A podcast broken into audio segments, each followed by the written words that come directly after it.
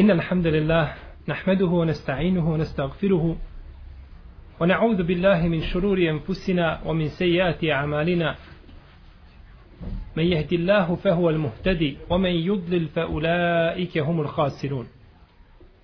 وأشهد أن لا إله إلا الله وحده لا شريك له. وأشهد أن محمدا عبده ونبيه ورسوله وصفيه من خلقه وخليله. أدى الأمانة وبلغ الرسالة. ونصح الأمة وكشف الله به الغمة. وجاهد في الله حق جهاده حتى أتاه اليقين. يا أيها الذين آمنوا اتقوا الله حق تقاته ولا تموتن إلا وأنتم مسلمون. يا أيها الناس اتقوا ربكم الذي خلقكم من نفس واحدة وخلق منها زوجها وبث منهما رجالا كثيرا ونساء واتقوا الله الذي تساءلون به والأرحام. إن الله كان عليكم رقيبا. يا أيها الذين آمنوا اتقوا الله وقولوا قولا سديدا. يصلح لكم أعمالكم ويغفر لكم ذنوبكم. ومن يطع الله ورسوله فقد فاز فوزا عظيما. أما بعد فإن أحسن الكلام كلام الله وخير الهدي هدي محمد صلى الله عليه وسلم وشر الأمور محدثاتها وكل محدثة بدعة وكل بدعة ضلالة وكل ضلالة في النار. Nema dvojbe da je obaveza svakom muslimanu da slijedi Kur'an i sunnet.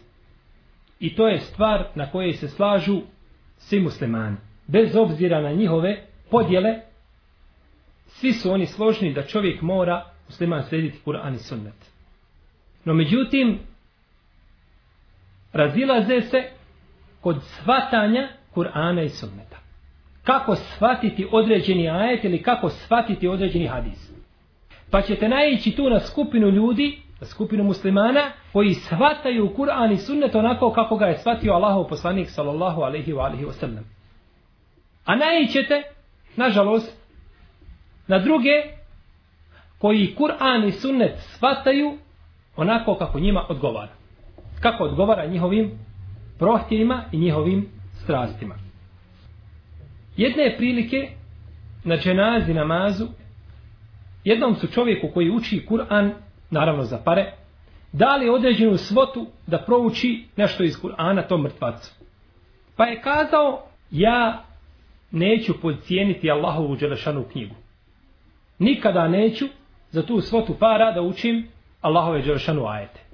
To je, kaže, premalo. Pa je proučio ajet u kome Allah te barak i kaže La teštaru bi ajati semenin qalila I nemojte moje ajete prodavati za nešto mizerno.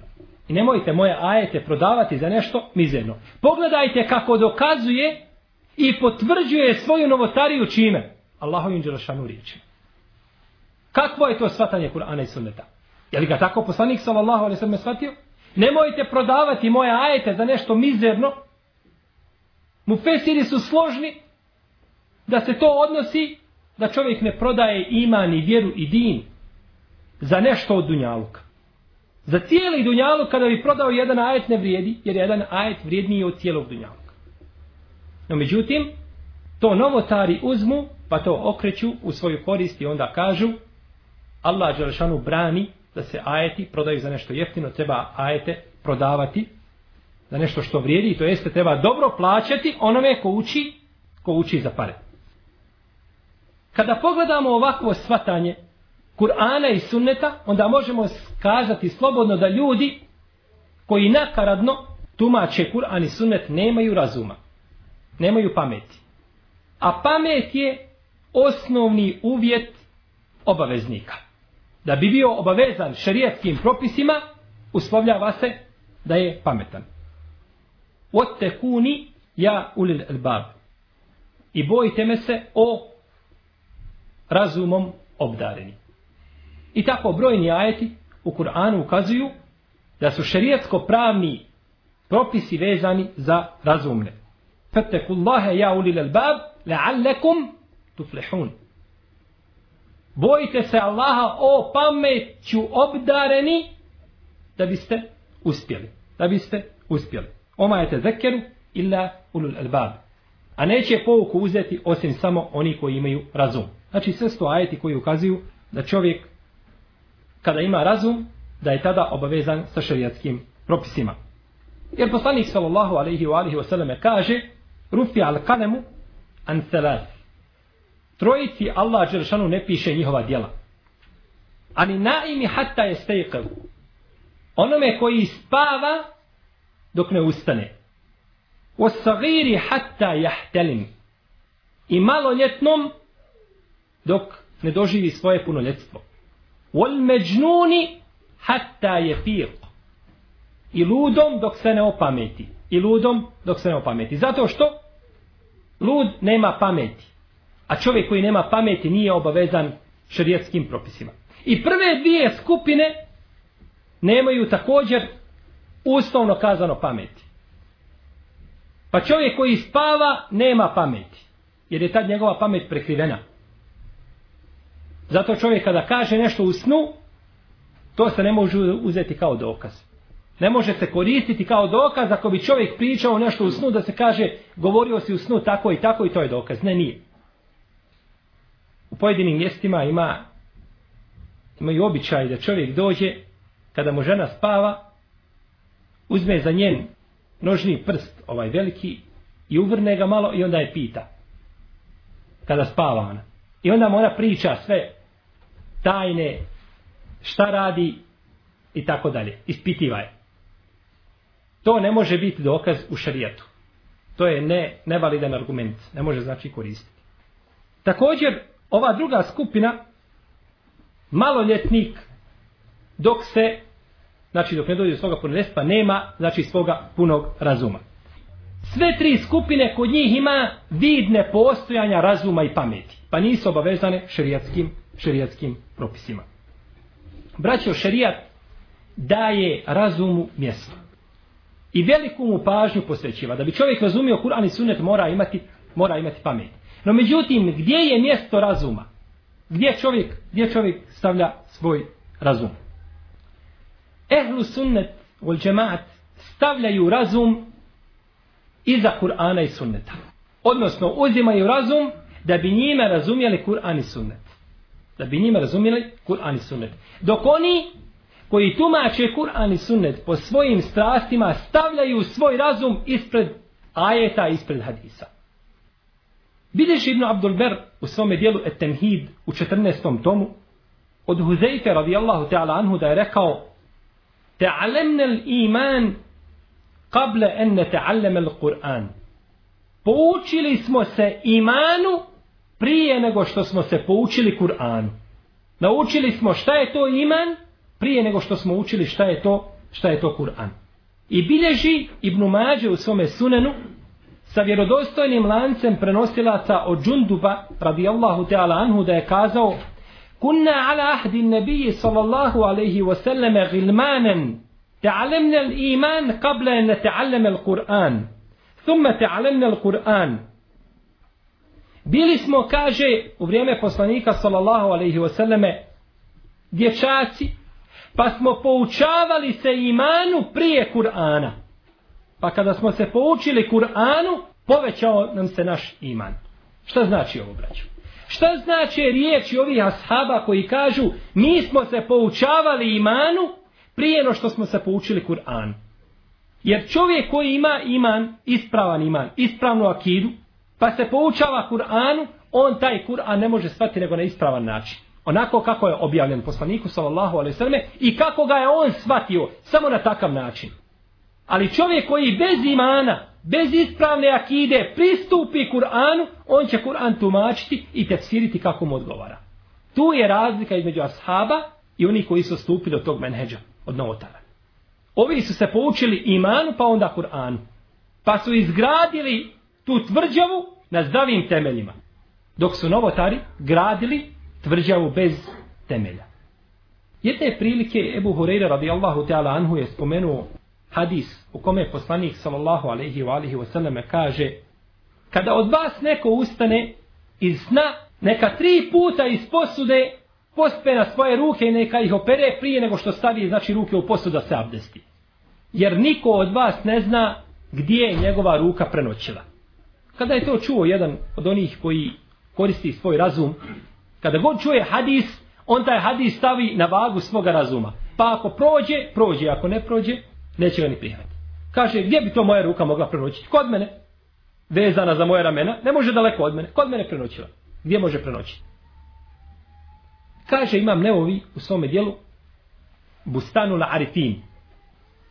Nakon što se ovaj ismijavao na ovakav način, ustao je izjutra, a njegova ruka srasla sa njegovom stražnicom.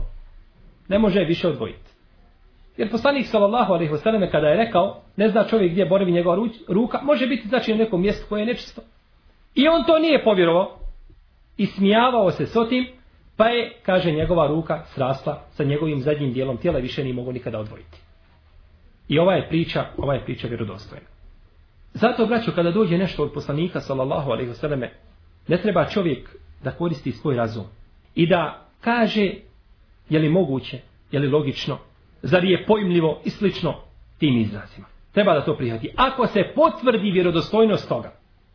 Na primjer, poslanik sallallahu alaihi vseleme kaže u hadisu koga bilježi ima muslim u svome sahihu od džabira Gatul ina wa evku siqa fa inna fi seneti lejleten jenzilu fiha waba. La yemurru bi inain lejse alejhi gita ليس عليه lejse alejhi نزل illa nezele fihi min zalike waba kaže poslanik sallallahu alaihi wasallam pokrijte svoje posude i zatvorite one posude iz kojih pijete vodu. U istinu u godini ima jedna noć u godini ima jedna noć kada se sa neba spušta weba. To su bolesti, epidemije. I kaže, ta epidemija i ta bolest neće proći ni pored jedne posude koja je otkrivena, a da neće biti spuštena u tu posudu. Ovo su riječi poslanika sallallahu alaihi sallam, koji najbolje poznaje ono što se dešava i šta dolazi sa nebesa. Možda čovjek kada razmisli, još ako malo ili malo više bude zaražen sa nekim naučnim pretpostavkama koje ponekad poriču ono što je kazano u hadisima, onda će poreći ovakve hadise. I time će dovesti u pitanje svoj iman. Obaveza je čovjeku da povjeruje ono što je poslanik sallallahu alejhi ve sellem rekao i da tu ne koristi svoj razum. Jer nema mogućnosti da ovo potvrdi. Nema mogućnosti da ovo potvrdi znači svojim razumom niti naučnim otkrićima, nego treba samo da povjeruje ono, ono što je rečeno. Kada, na primjer, poslanik sallallahu alejhi ve selleme kaže obrijte glavu svome novorođenčetu. Šta znači to? Je li uzvišeni Allah te barake od tela zadužio čovjeka da ispitiva mudrost i hoće li čovjek ikada otkriti pravu mudrost zbog čega treba da obrije glavu svoga djeteta? Doći će na kraju da kaže zbog čega da to čini, kakva je korist u tome i tako dalje. Otkud ti znaš? Možda uzvišeni Allah te barake od tela na takav način će otvoriti mozak i razum tvome djetetu da bude razumnije. Može mu dati hajrate i dobra. Zbog sređenja sunneta poslanika sallallahu alejhi ve nije na tebi da ispitivaš zbog čega je Allahov poslanik alejhi sallallahu alejhi kazao neki hadis ili do, zbog čega je došao sa nekim propisom. Jer to nije došao od sebe nego je došao znači time od uzvišenog Allaha te barake o teala u svakom slučaju kada je Abu Hurajra radijallahu ta'ala anhu spomenuo ovaj hadis kazao je Kais el-Ešđa'i dobro a šta kaže ako se ja abdestim iz bunara kako ću tada posuti iz bunara na svoje ruke? Pa mu kaže Ebu Hureyre radijallahu ta'ala anhu, E'udhu billahi min šarrik. Kaže Allahu se kaže utječem od tebe i od tvoga zla, od tvoga šarra koje ti nosiš. Šta ako se abdestim iz bunara? Poslanik sallallahu alaihi wasallam je rekao kada se neko abdesti iz posude neka tako učini. Nije spomenuo bunar. To je jedna stvar. Druga stvar, posuda je mala i u posudi ima malo vode, pa se voda može onečistiti ali bunar je veliki i da u njega slučajno i padne nešto sa čovjekove ruke od nečist, ne može to onečistiti. Pa nema potrebe znači da se to čini. Zato, draga moja braćo, obaveza je čovjeku da prihvati sunet poslanika sallallahu alaihi wasallam kao i kuranska značenja i ajete onako kako su došli, kako su i razumile naše prve generacije. Da ne dodaje tome, niti da oduzima, niti da oduzima od toga. Jer kada čovjek daje mogućnost da se uzima nešto od dina i od vjere ili da se dodaje i u jednom i u drugom slučaju se čini ono što uzvišeni Allah te barake od tada nije htio. Na primjer, mi danas kažemo čovjeku, nevjerniku koji hoće ući u islam. Kaže, ja bi ušao u islam, ali mi se ne sviđa to u islamu. Kažu, nema veze, uđi u islam, ne mora se to sviđati, to i ne. Islam je din i vjera koja je objavljena od Allaha Đelešanu, vrijedi do sudnjega dana. Najpotpunija vjera. Ko hoće ući u vjeru, on će se spasti. Ko neće, on će i propasti. Biće gorivo džahennemsko. Pa kaže, bitno je da uđe. Nije bitno da uđe. Ako ćeš ući u islam, uđi u islam i prihvati ga svega. Ako nećeš, ništa. Jedan više za džahennem. A džahennema ima dovoljno. I širok je za sve. Ili prihvati vjeru kako treba, ili je nemoj prihvatati nikako. Ne može se u islam ulaziti polovično. Prenosi se da je Ebdahak ibn Mujahim, koji je živio u drugom hijđarskom stoljeću, imao jednog komšiju kršćanina. Pa mu je rekao ovaj komšija, kaže, nisam, kaže, vidio ljepše vjere od islama. Taj kršćanin. Nema, kaže, ljepše vjere od islama. I nema, kaže, ljepših propisa od islama. Osim, kaže, jednoga. Koji je to, kaže, propis? Kaže, alkohol. Kaže, ja ne bi nikada mogao pojmiti sebi da ostavim alkohol. Pa šta mu je kazao Dahak? Kaže, u red, uđi ti, kaže, u islam. Uđi ti u islam i kaže, pi dalje. Pa je ušao u islam. Izgovorio dva šehadeta i ušao u islam. Kada je izgovorio dva šehadeta i ušao u islam, kazao mu je ovaj Dahak, idar tedete katelnaki. O idar šeribte hadednaki. Kaže, sad si ušao u islam. Kod nas u islamu ima propis ko se odvoji od islama, uđe u islam, pa neće više da bude musliman, odmete se, ubija se. Men beddele dinehu, faktuluhu. Hadis poslanika sallallahu alaihi sallam, koga bliže Buhari i muslim. Ko promijeni svoju vjeru, ubijte ga. Kaže ti ako promijeniš vjeru, kaže ubit ćemo te. A drugi propis je ako piješ vino, bit ćemo te. Bujrum. Znači ušao si u islam i imaš dva izbora. Ili da budeš ubijen, ili da te bićujemo, a najbolji ti je onaj treći. Da više ne piješ. Jer se vjera, braćo, može prihvatiti samo cijelokupna. Ne može se prihvatiti din vjere, dio vjere, a drugi dio odbaciti. Hoćete li to vjerovati u jedan dio knjige, a odbaciva drugi? Ne. Znači mora se vjerovati u islam, u islam znači i u vjeru kao cijelokupan znači sistem. U svakom slučaju, draga moja braćo, islamski učenjaci su puno trpili zbog onih koji su nakaradno tumačili din i vjeru. Puno su trpili i zbog toga su bili, bivali znači uznemiravani. Najviše ko je bio uznemiren na ome putu bio je imam Ahmed ibn Hanbel. Koji je trpio mnoge ezijete zbog onih koji su nakaradno tumačili vjeru. A naročito kada je bio fitnet stvaranja, stvaranja Kur'ana. No međutim, pored toga, braćo, mi znamo svi za imama Ahmeda. I svi smo čuli da je imam Ahmed imam ehlu sunnata ul džemata. I da je na njegovim rukama sačuvan Kur'an. I da svako njemu kaže rahimehullahu ta'ala. A oni koji su ga uznemiravali, možda se negdje njihova imena pominju po deponijama, istorije i tako dalje, nikada se nisu spominjali po dobru i po hajru. A imam Ahmed je znači ostao uvijek imam ehlu sunnata ul džemata. Na primjer imam Malik. Da li je neko od vas čuo za Ebu Džafara Mensura, koji je naredio da se bičuje imam Malik? Možda niko za njega nikada nije čuo. Niti je on poznat. Ali je imam Malik ostao poznat. Imam Malik je ostao poznat. U refana leke dikrek. I mi smo uzdignuli tebi tvoj spomen o Allahov poslanić. O Allahov poslanić. Ovaj ajet odnosi se na koga? Na poslanika, sallallahu alaihi wasallam. A učeni su nasljednici šta? Poslanika. Pa se znači taj ajet odnosi na učene. Uzvišen je Allah te barak je utala je digao znači njima spomen. Kako kaže poslanik sallallahu alejhi ve selleme, tako mi poslanici bivamo ispitivani i povećavaju se nama naša iskušenja i na kraju biva al-aqibatu lana. Na kraju, znači taj završetak pripada opet pripada opet nama, mi ćemo biti mi ćemo biti pobjednici. Zato je ne prilike kada je rečeno Ajši radijallahu ta'ala anha, kaže ima ljudi koji psuju Ebu Bekra i Omara. Ima ljudi koji psuju Ebu Bekra i Omara. Pa je kazala, radijallahu ta'ala anha, kaže Allah te barake o ta'ala je, kaže, prekinuo njihov život. Ali nije htio da prekine njihovu nagradu.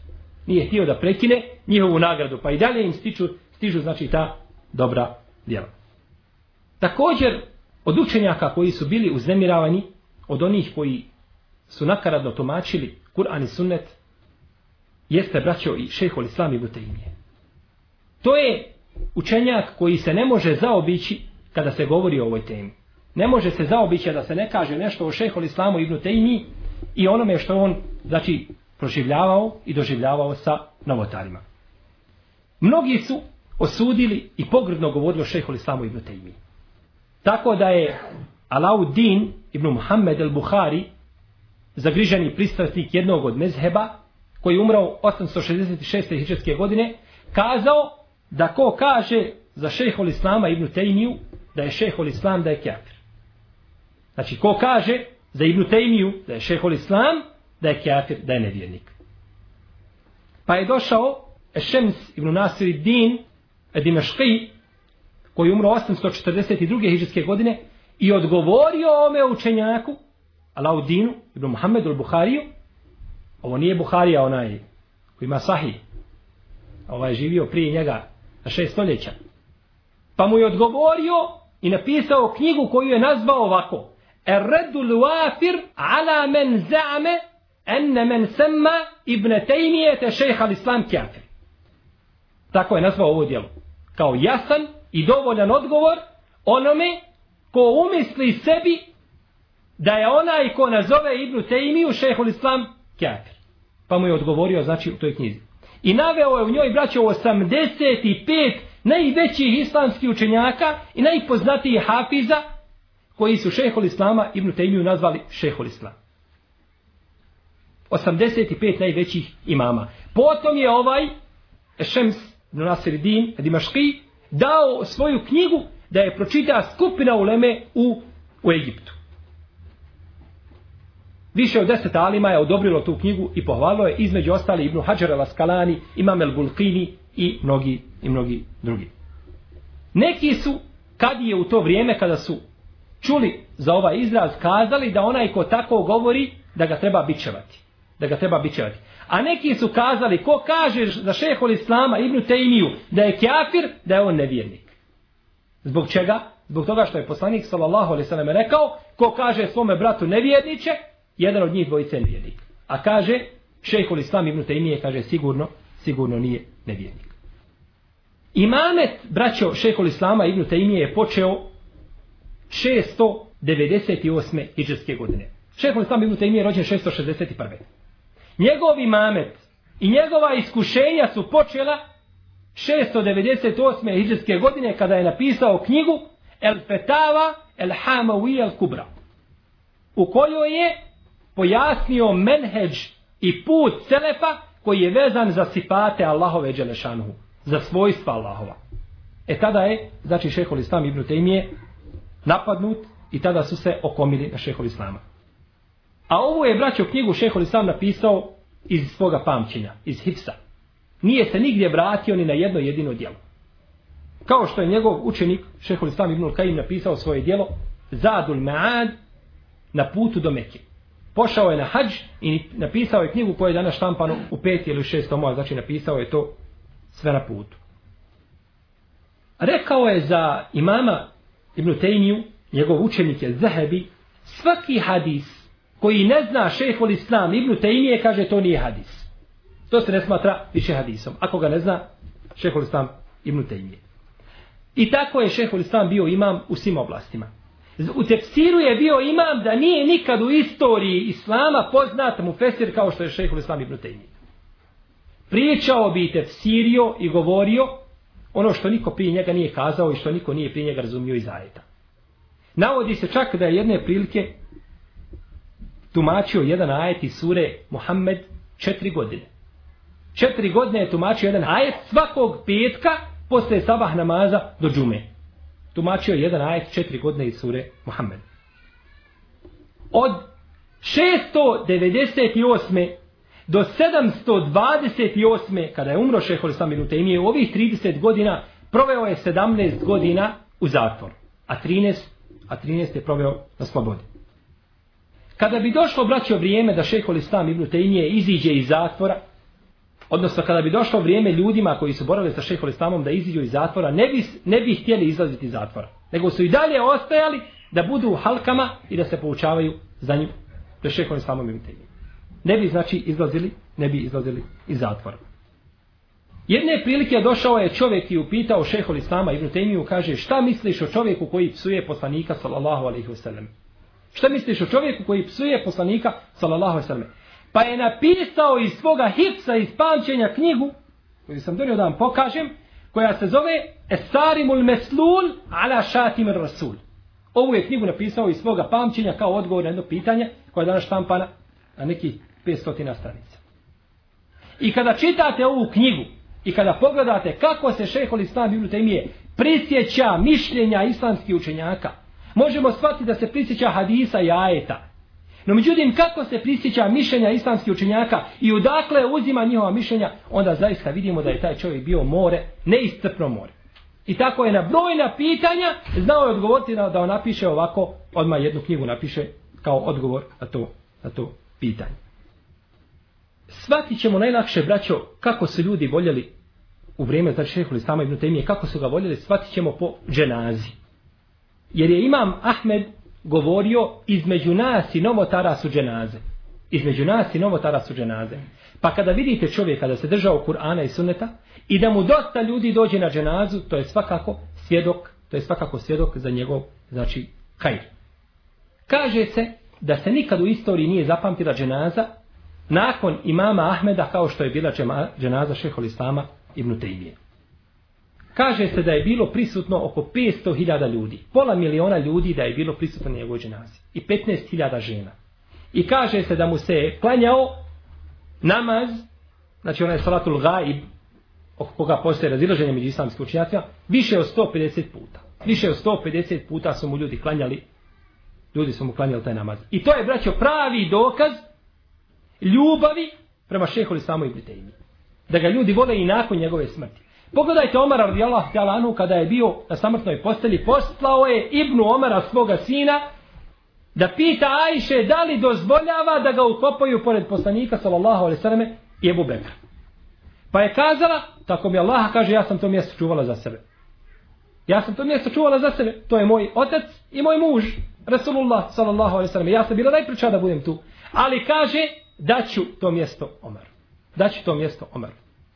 Kada se je vratio, Ibn Omer, svome babi Omeru, kazao da je Aisha radijallahu ta'ala dozvolila da se ukopa kod svoja dva sahiba, kazao je, kada ja umrem, idi ponovo, kaže, i pitaj je. Ponovo je pitaj. Pitao si je za moga života. Ja sam još uvijek emirul mu'minin. Možda je ona zbog toga kazala, može. A kada umrem, možda više neće biti toga mišljenja. Kaže, ponovo je pitao još jedan put. Pa je pitao još jedan put, pa je dozvolio. Jer čovjek možda ponekad voli nekoga dok je živ zbog toga što ga se boji ili ima neku odliku ili korist od njega tako. Kada umre više ga ne zanima. Međutim, ovdje vidimo ko šehol sama Ibn Taymije i nakon njegove smrti koliko ljudi dolazi, koliko ljudi dolazi na njegovu dženazu. Rahimehullahu ta'ala. Umro je braćo učeći Kur'an. Kada je došao do ajeta u kome uzvišeni Allah te barake od tala kaže Innal muttaqine fi džennati wa nahar fi maq'adi sidqin 'inda malikin muktadir i tada ispustio svoju dušu. U istinu su bogobojazni u džennetskim vrtovima ispod kojih rijeke teku. Na mjestu istine kod sve moguće gospodara. I tada je, i tada je u tom momentu, znači umro. Ibn Taymi je, draga moja braćo, imao velike okršaje sa novotarima. Puno rasprave sa njima vodio i bio je od onih koji su stajali uvijek kao bedem, kao brana, da štite ispravno tumačenje Kur'ana i Sunneta.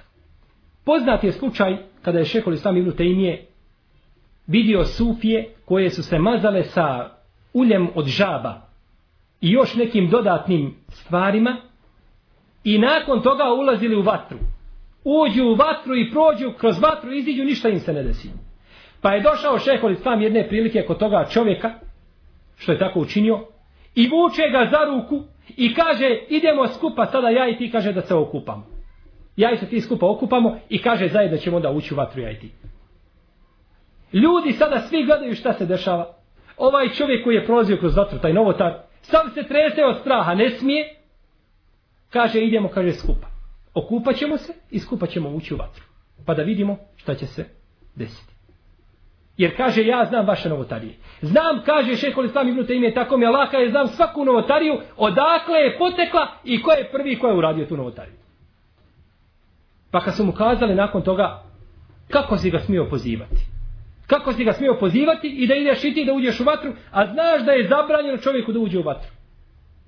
Ne smiješ ti sam sebe ubijeti. Kaže, tako mi Allaha, kaže, neka ide. Neka ide, kaže, sa mnom i ući ćemo kada je skupa u vatru. I kaže, ko izgori, kaže, alejhi lanetullah. Neka je, kaže, na njega Allahov proklestvo. A kaže, ja sam bio ubijeđen, kaže, da sam ušao u tu vatru, da bi ta vatra bila meni kao vatra Ibrahimu alejsa. E to je, braćo, sidk i oslanjanje na Allaha te barake ta'ala. Gdje? U branjenju vjere. Da se čovjek osloni, znači, na uzvišenog Allaha te barake ta'ala. Vi znate priču Ibnu Đurejđa. Čuli ste da priču Ibnu Đurejđa, onoga poznatog Abida, koji je imao majku, staricu, pa se odvojio, napravio sebi jedan mesčid mali i konopcem se penjao u mesčid i kada bi se gore popeo, onda bi dignuo taj konopac da niko ne može dolaziti do njega. I tu bi non stop Allaha Đelšanu obožavao. Pa jednog dana dok je tako bio u namazu, došla njegova majka i pozvala ga. O Đurejđ, a on u namazu kaže, gospodaru moj, moj namaz, moja majka, šta da radim? Pa je nastavio dalje da klanja. Pa je drugi dan došla majka, pa je treći dan došla majka. On uvijek u namazu, nije sada zvao svoje majke. Pa je kazala njegova majka, dovila protiv njega, da Bog da kaže ne umro prije nego što vidiš lica i što se ne iskušaju pokvarene žene. Pa je jednog dana dok je tako bio u svome ibadetu, došla je jedna pokvarenica i kazala da se nudi njemu, Ibnu Đurejđu. No, međutim, on se nije osvrtao na te riječi, nego je dalje nastavio, znači, u ibadetu. Pa je ona otišla kod jednog čobana, počinila sa njim nemoral i ostala trudna od njega. Pa kad su je pitali čije je dijete, kaže, od Ibnu Đurejđa. Dijete od Ibnu Đurejđa. Kada je rodila dijete, kaže, to je Ibnu Đurejđovo dijete. U jednoj predaji se kaže da je ta nemoralnica bila kćerka vladara toga sela. Pa su došli njemu, izvukli ga iz njegovog, znači, tog mesčida, srušili ga, mesčid, njega udarali, a on nije znao o čemu se radi. Nije znao o čemu se radi. Pa su ga doveli do te žene i do tog djeteta. Kazao je, kaže, pustite me da klanjam dva rekiata. Pa je klanjao Allahu Đeršanu dva rekiata i onda ustao i došao do tog novorođenčeta i ovako ga prstom ga jednim malo ubo sa strane i kazao, reci, kaže, ko je tvoj otac? Reci, ko ti je babo? Kaže, moj babo je, kaže, onaj pastir. Pa su svi počeli da ga ljube, da ga grle, pa su mu ponovo, kaže, napravit ćemo ti, kaže, taj tvoj, kaže, mesčit, ponovo ćemo ti ga vrati od zlata i srebra. Kaže, ne, ne, kaže, napraviti njega od blata kakav je i bio. Pa su mu ga ponovo napravili onakav kakav je i bio. No, međutim, pogledajte, oslonca na Allaha te barake u teala, kada se čovjek osloni, je li adet, je li običaj djece da pričaju koja imaju 2, 3, 4 ili 5 dana? Nije. No, međutim, pogledajte kako uzvišeni Allah te barek o pomaže, znači, svoje, svoje iskrene robove, kao što je pomogao šehol Islama i Brutejmiju, rahimahullahu ta'ala. Također priča one trojice kada su bila u onoj pećini, pa kada je ona velika stijena pala na onaj izlaz Isto tako, to je bio njegov sidk i njihova znači iskrenost sa Allahom, te barake o teala. Kazali smo, draga moja braća, da je šehol Islam Ibn Taymije raspravljao sa novotarima. Raznih vrsta i raznih boja. No međutim, nije nikada zabilježeno od šehol Islama Ibn Taymije da je bio grub prema nekome od njih. Uvijek je raspravljao sa kaže Allah, kaže poslanik. Kaže Allah, kaže poslanik. Znači na takav je način, na takav je način branio, branio vjeru. Čak kada je raspravljao sa židovima i kršćanima. Židovsku i kršćansku vjeru je bolje poznavao od njihovih monaha i njihovih svećenika. Kao Ibnu Kjesir, u svome tefsiru kaže jedne prilike, ja sam kaže raspravljao sa jednim monahom, pa sam vidio da nešto znao o svojoj vjeri. Nešto malo znao o svojoj vjeri. Subhanallah, kaže nešto malo znao o svojoj vjeri. Znači Ibnu Kjesir, on je more u poznavanju njihove vjere. Kao ona priča Ibnu Kjesira kad je jedne prilike kaže u moje vrijeme, kaže, bio je dječak, mali jedan dječak koji je naučio Buhariju na pamet.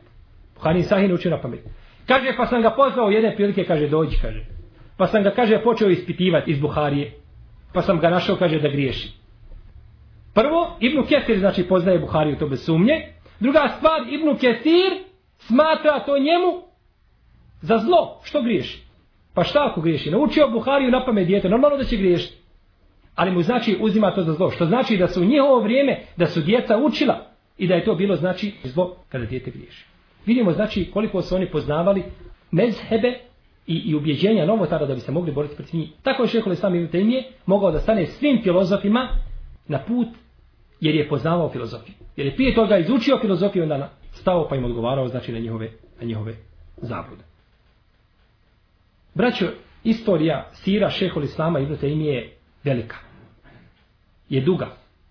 I zaista, kada čovjek pogleda realno u istoriju ovoga čovjeka, vidjet će da je bio jedan od onih za koje poslanik sallallahu alejhi ve sellem kaže zaista Allah dželle šalje svaki 100 godina čovjeka koji će obnoviti ljudima njihovu vjeru koji će ih osvježiti malo koji će im znači ukazati na pravi put.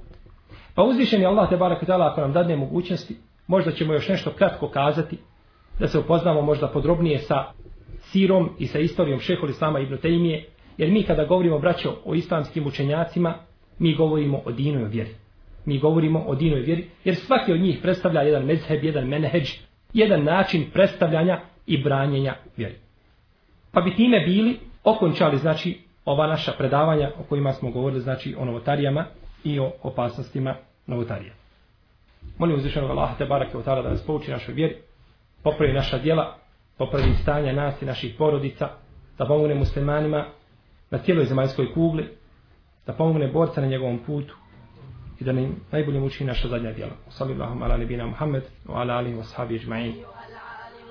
Ko ima neko nešto da pita, prije namaza, bujru.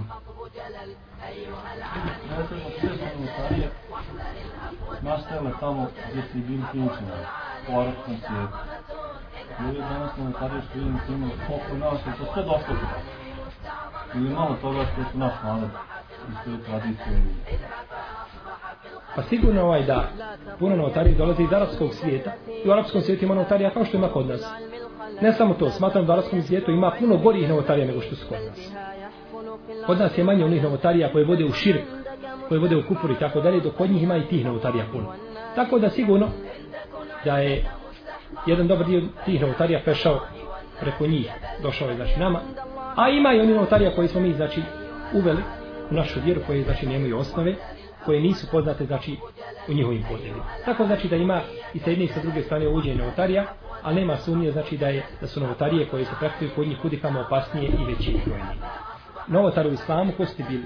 Dolazili su od židova, dolazili su od ovi ili od onih. Znači ne moraju biti uvijek naši muslimani koji, koji hoće vjeru i din nego čovjek dođe da zastupa ovaj uh, uh, ili je vezan možda za državu ili vezan za režim i tako dalje pa na takav način znači onda kvari ljudima njihovu vjeru a oni vole znači da ljudi nemaju znači onu čisto izvornu vjeru nego znači da imaju nešto nastrojeno.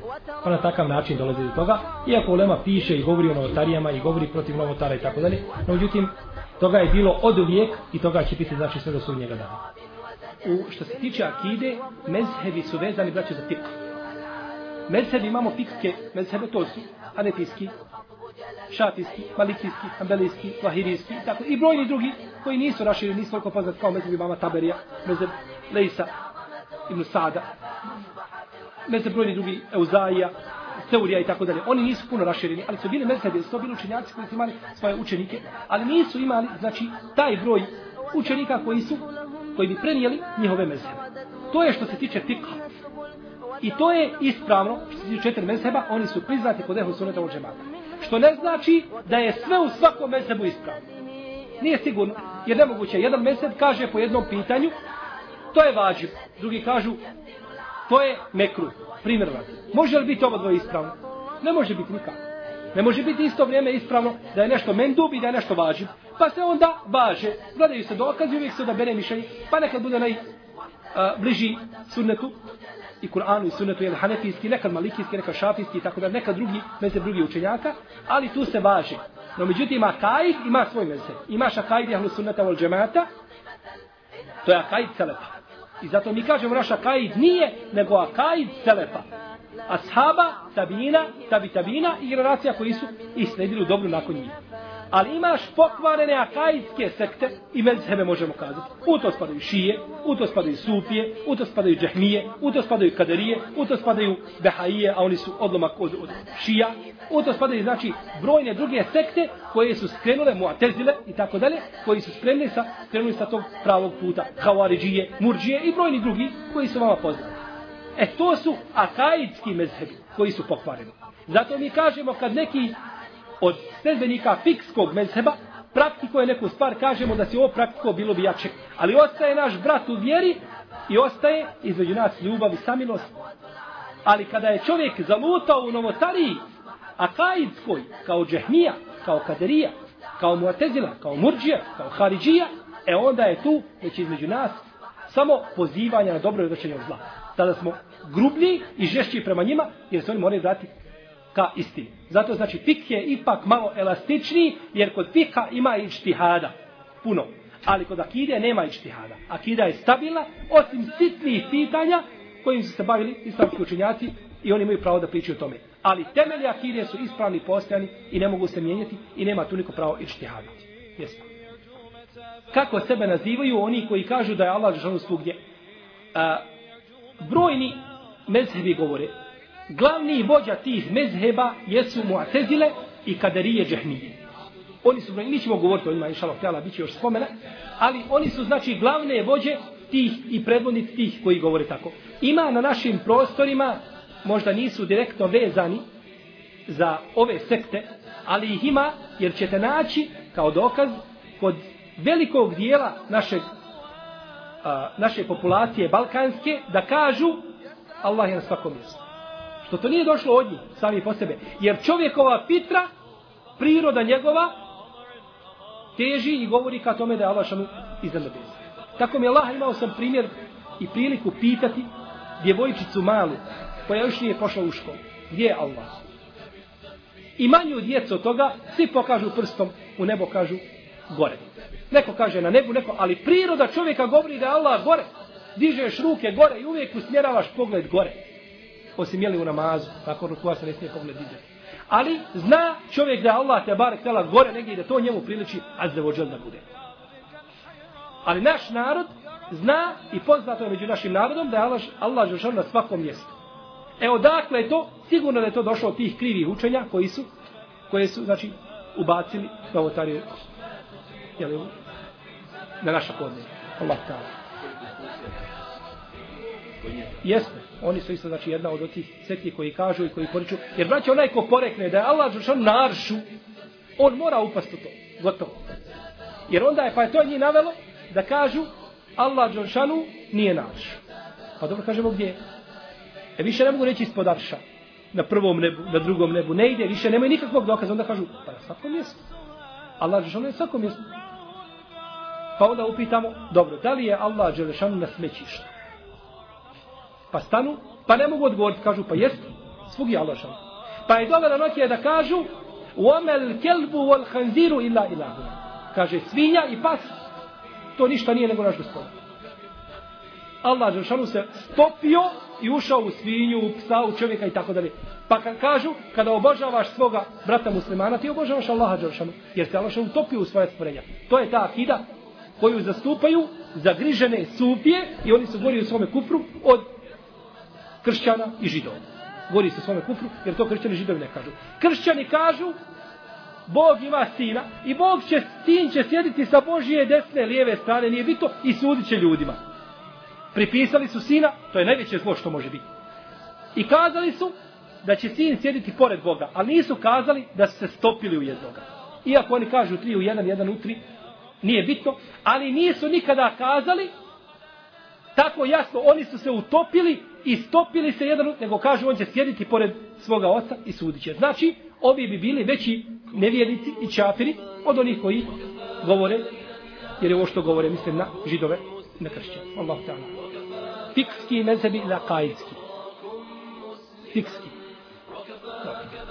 To nije možda ono uže vezano za temu, ali spomenut ćemo. Mezhebi su se, braćo, počeli odvajati, znate kad? U vrijeme poslanika, sallallahu alaihi wasallam, i u vrijeme ashaba. Ne u vrijeme ashaba, u vrijeme poslanika sallallahu alaihi sallam. Bili su ashabi koji su ičtihadili. jedan je znao za ovaj hadis, drugi je znao za, za ovo. Ali je bila tu jako jedna bitna stvar, a to je prisustvo poslanika, sallallahu alaihi sallame, koji je usmeravao ashab. Pa kada bi neki pogriješio, kaže ti si pogriješio, ovako ispravno. Trebao se ovako učiti. Pa bi Omer radijallahu ta'ala anu poučio kako je, kako da učini temu. Pa bi poučio ovoga ashaba kako da klanja. Uvijek bi poslanik sallallahu alejhi ve sudio među ashabima. Ali kada je nestalo poslanika sallallahu alejhi ve počelo se ashabi razilaziti kao i što se islamski učenjaci razilazili nakon njih. Pa su nastali mezhebi. Pa je Omer imao svoj pogled u jednom pitanju, Ibn Abbas svoj pogled, svaki bi znači da sahaba imao svoje mišljenje i razilazili bi se u fikhu zbog različitih dokaza koji su im doprli. Ali akida je ostajala jedna. Akida jedna. Tako dolaze tabini, pa jedan tabin uzma znanje od Ibn Mes'uda, drugi uzma od Ibn Abbasa. Ibn Abbas ima svoje mišljenje, a Ibn Mes'ud ima svoje mišljenje. Pa bi oni naslijedili ta mišljenja i svaki bi ljudima prenosio ono što je znao, ono što je učio, ono što je smatrao ispravno i tako je došlo do razilaženja. Ali što se tiče akajda, što se tiče akajda, znači tu nije bilo razilaženja, a i sami akajdski meseli su odmah nastajali u vrijeme ashaba kao haridžije koji su a, došli i koji su jeli ohalalili krva sahaba i tako dalje, znači odmah su se pojavili nakon smrti poslanika sallallahu alaihi wa sallam. Yes. One koje smo spominjali, nećemo im navoditi imena, oni su poznati u islamskom svijetu, ovaj i poznati su ljudima preko satelitskih antena puno se ovaj nalaze na satelitskim antenama i puno govore ljudima i tumače vjeru i ljudi smatraju da su ulema ljudi smatraju da su ulema samo zbog toga što pričaju i što govore ljudima što održi možda neki lijep ders baz i tako dalje smatraju da su ulema a velika je braćo razlika između alima i između vajeva vajel, onaj koji govori priča koji ljudima drži hutba i tako dalje. To je velika razlika između jednog i drugog. Jer ovaj priča i samo kupi, samo metlom zgrče i šta god mu dođe priča. Hadis mu dođe priča, neka je ona fina. Je li ona vjerodostojna, je li ona lažna? Nije bit, bitno je da se priča. Bitno je da jezik ne miruje. Ali alim, on to ne dozvoljava. On gleda svaku riječ zbog čega je došla. Gleda mišljenja islamskih učenjaka, kako su to tumačili. On ima sam moć da razumijeva šerijatske dokaze na način koji nemaju, znači oni samo koji govore o vjeri, o rekajku i slično tome. Tako da znači, oni koji govore, takve stvari nisu alimi, ali su ipak poznati među ljudima, imaju velikog utjecaja, tako da je ovaj e, obavezno e, muslimane upozoriti od njihovog zla, no međutim mi nećemo spomnjeti njihova imena, jer to se nas ne tiče ovdje, u ovim podnebljima, no međutim samo da kažemo i da spomenemo slučaj, da se ne bi desilo slično kod nas, jer ono što vrijedi za islamski, znači svijet vrijedi, vrijedi i za nas. Ovdje pitanje da li možemo učiniti hađ ili umru za umrle roditelje koji su bili vjernici, ali griješnici, to jeste džahili. Šta još možemo od dobrih dijela za njih učiniti? Može se učiniti hađ za mrtvoga, ne smeta, jer je to došlo od poslanika, sallallahu alaihi sallam, da je činio i da je, ne da je činio, već da je govorio ashabima da to mogu učiniti za svoje umrle. No međutim, ovo je uslovljeno, braćo, cijenjene sestre, da je taj umrli morao biti musliman. Da je taj umrli morao biti musliman. Nije bilo dovoljno da kaže samo la ilaha illallah i da živi. To nije dovoljno. I drugi uvjet, da nije mogao učiniti hađ. Da nije mogao. Onaj ko je mogao učiniti hađ, a nije, za takvog se ne treba činiti hađ. Ne treba niko kazati ovdje, pa on je bio džahil. Nema džahila. Nemojte, braćo, da se varate i da se svi varamo, da kažemo, babo nije znao da treba klanjati. Pa to kad bi rekao pred Allahom Đelešanu, Arapi zato kažu, el uzru akbahu min zemlje. Kaže, to opravdanje je gore od grijeha koje je ispočinio. Da čovjek dođe pred Allaha Đelšanu i da kaže, ja nisam znao da trebam klanjati, da trebam hađovati. To opravdanje je gore od grijeha koji je ispočinio. Jer ne može biti da čovjek ne zna da je trebao obaviti hađ. To je nemoguće. Ti nisi bio musliman, u svojoj osnovi. Jer si morao poznati da ne možeš biti musliman bez namaza, posta, zakijata i hađa. To si morao poznavati. Mogao si obaviti hađ, nisi obavio, nema potrebe za tebe obavljati hađ. Neće biti primjer. Allah ne zna. I također nema potrebe obavljati na hađ za čovjek koji nije klanjao. Nije klanjao u svome životu, nemoj obavljati hađ za njega. Nemoj zabadavati trošiti para. Jer ako nema namaza, nema ni vjere. Allah Đeršanu na sudnjem će danu prvo roba pita to namazu. Ako ti je prošao namaz, proći i drugo. Ako ti je prošao namaz, kakav hač, još nije tvoj hač. Neko učinio hač za Tako znači da treba gledati kakav je taj roditelj bio. Nikoga ne treba da pogađa to što je njegov babo preselio, a nije klanjao ili majka ili brat ili sestra i tako dalje. Braće moja, roditelji poslanika sallallahu sallam nisu preselili kao muslimani. Njegov amidža i brojni drugi rođaci koji su bili. Otac Ibrahim a.s. nije bio vjernik. Pa šta je u tome zlo da možda roditelj nekoga od nas ne vjeruje? Allah Žešanu upućuje koga hoće. Tako da čovjek zna da Allah Žešanu odabira srca koja se zaupute. Šta još možemo od dobrih djela za njih učiniti? Možemo učiniti sadaku, podijeliti za njih. Možemo im doučiniti. Znači sve ono što je došlo u sunnetu poslanika, sallallahu sallam, da se može činiti za mrtvog, dosta se puta pita za kurban. I ovo se pitanje ponavlja, da li se kurban može učiniti za mrtvog. Ako bi čovjek zaklao kurban da podijeli za mrtvog, kao se inša Allah da bi mu bilo primljeno. Ali je bolje da to ne čini. Jer kurban je vezan, braćo, za živu osobu. Kurban se veže za živu osobu. I to je propis koji se veže za živog, a nije za mrtvog. Jer kad se kolje kurban za mrtvog, se ne treba klati. Živi kolje kurban. A za mrtvog, ako kolje, što bi bila samo sedaka? E onda je bolje tu sedaku podijeliti u parama za čovjeka ili napraviti bunar ili put i tako dalje, da bude ta trajna sedaka, nego da čovjek kolje žrtvu, pa da možda time otvara vrata širka, koja se ne treba otvarati. Znači tako da je najbolje onda čovjek da podijeli tu sadaku. Allahu ta'ala. Klanjanje dženaze čovjeku koji nije klanjao. Ako čovjek zna 100% da nije klanjao neko od ljudi, to se vraća na pitanje onaj ko ne klanja, da li je musliman veliki griješnik ili on kjafir nevjernik. Smatram da onaj ko nije klanjao i znaš ti kao pojedinac da on nije klanjao nikada Allahu Đelešanu i da je ostavio namaz, onda iziđi nemoj mu klanjati ženazu. Nemoj mu klanjati ženazu, samo iziđi do ljudi, ali nemoj pred drugim ljudima govoriti nemojte mu klanjati ženazu. Jer ne slijede ljudi svi isti taj mezhebi, to isto mišljenje. Ima ljudi i uleme koji kažu da onaj ko nije klanjao, da je teški griješnik, griješnik i prestupnik, ali se ne smatra nevjednikom, već je musliman. Pa mu se može u tom slučaju klanjati ženazu. Ali najbolje da se takvom čovjeku ne klanja dženaza, jer nema koristi ni od te dženaze, ni od sadake, ni od bilo čega što mu se učini, jer jednostavno nije imao namaza. Ako nema namaza, nema temelja vjere i uzvišeni Allah žalu neće primati islama bez namaza. Znači, poslanik sallallahu alejhi ve kaže u hadisu da će se podijeliti muslimani na 73 skupine. Koje su to skupine? Je li jedna od tih skupina jesu li Hanefi, a druga Maliki, treća Šafi, četvrta Hanbeli? Ne nikad. Ove skupine su skupine koje su se razišle i odstupile od ehlu sunnata u džemata u akidi. One su vatri. One su u vatri. Koje su stupile? Pa će neke biti vječno u vatri, a neke će izići iz vatre, jer se ne smatraju nevjernicima. Znači, ne mora, ne mora znači da će ove skupine sve da će ostati u vatri. Ne. Ne mora znači da će ostati, da će ostati sve u vatri. Neke mogu ostati, neke mogu izići, pa ako je njihovo bidat i novotarija dovela i do kufra i nevjerstva, ostaće vječno u vatri. Onaj ko kaže da je Allah Želšanu, da je on rob u isto vrijeme, i da se je sjedinio sa ljudima i tako dalje, taj nikad neće izaći iz vatre džahannamske, taman klanio postio zekijada.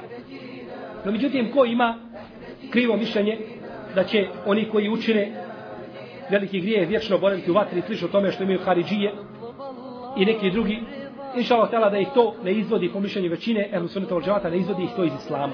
Ostaju dalje muslimani ili imaju krivo mišljenje o ashabima, nekim ashabima ne vrijeđajući puno ashabi ne psujući jer time se može isto izaći iz vjere. Oni znači mogu imati kaznu ali će izići jednog dana iz vatre ovaj koji budu bili kažnjavani ali znači u svakom slučaju u ove 73 grupe ne ulaze sledbenici nekog od poznatih mezheba wallahu ta'ala alam wa sallallahu ala nabina muhammed wa ala alihi wa sallam.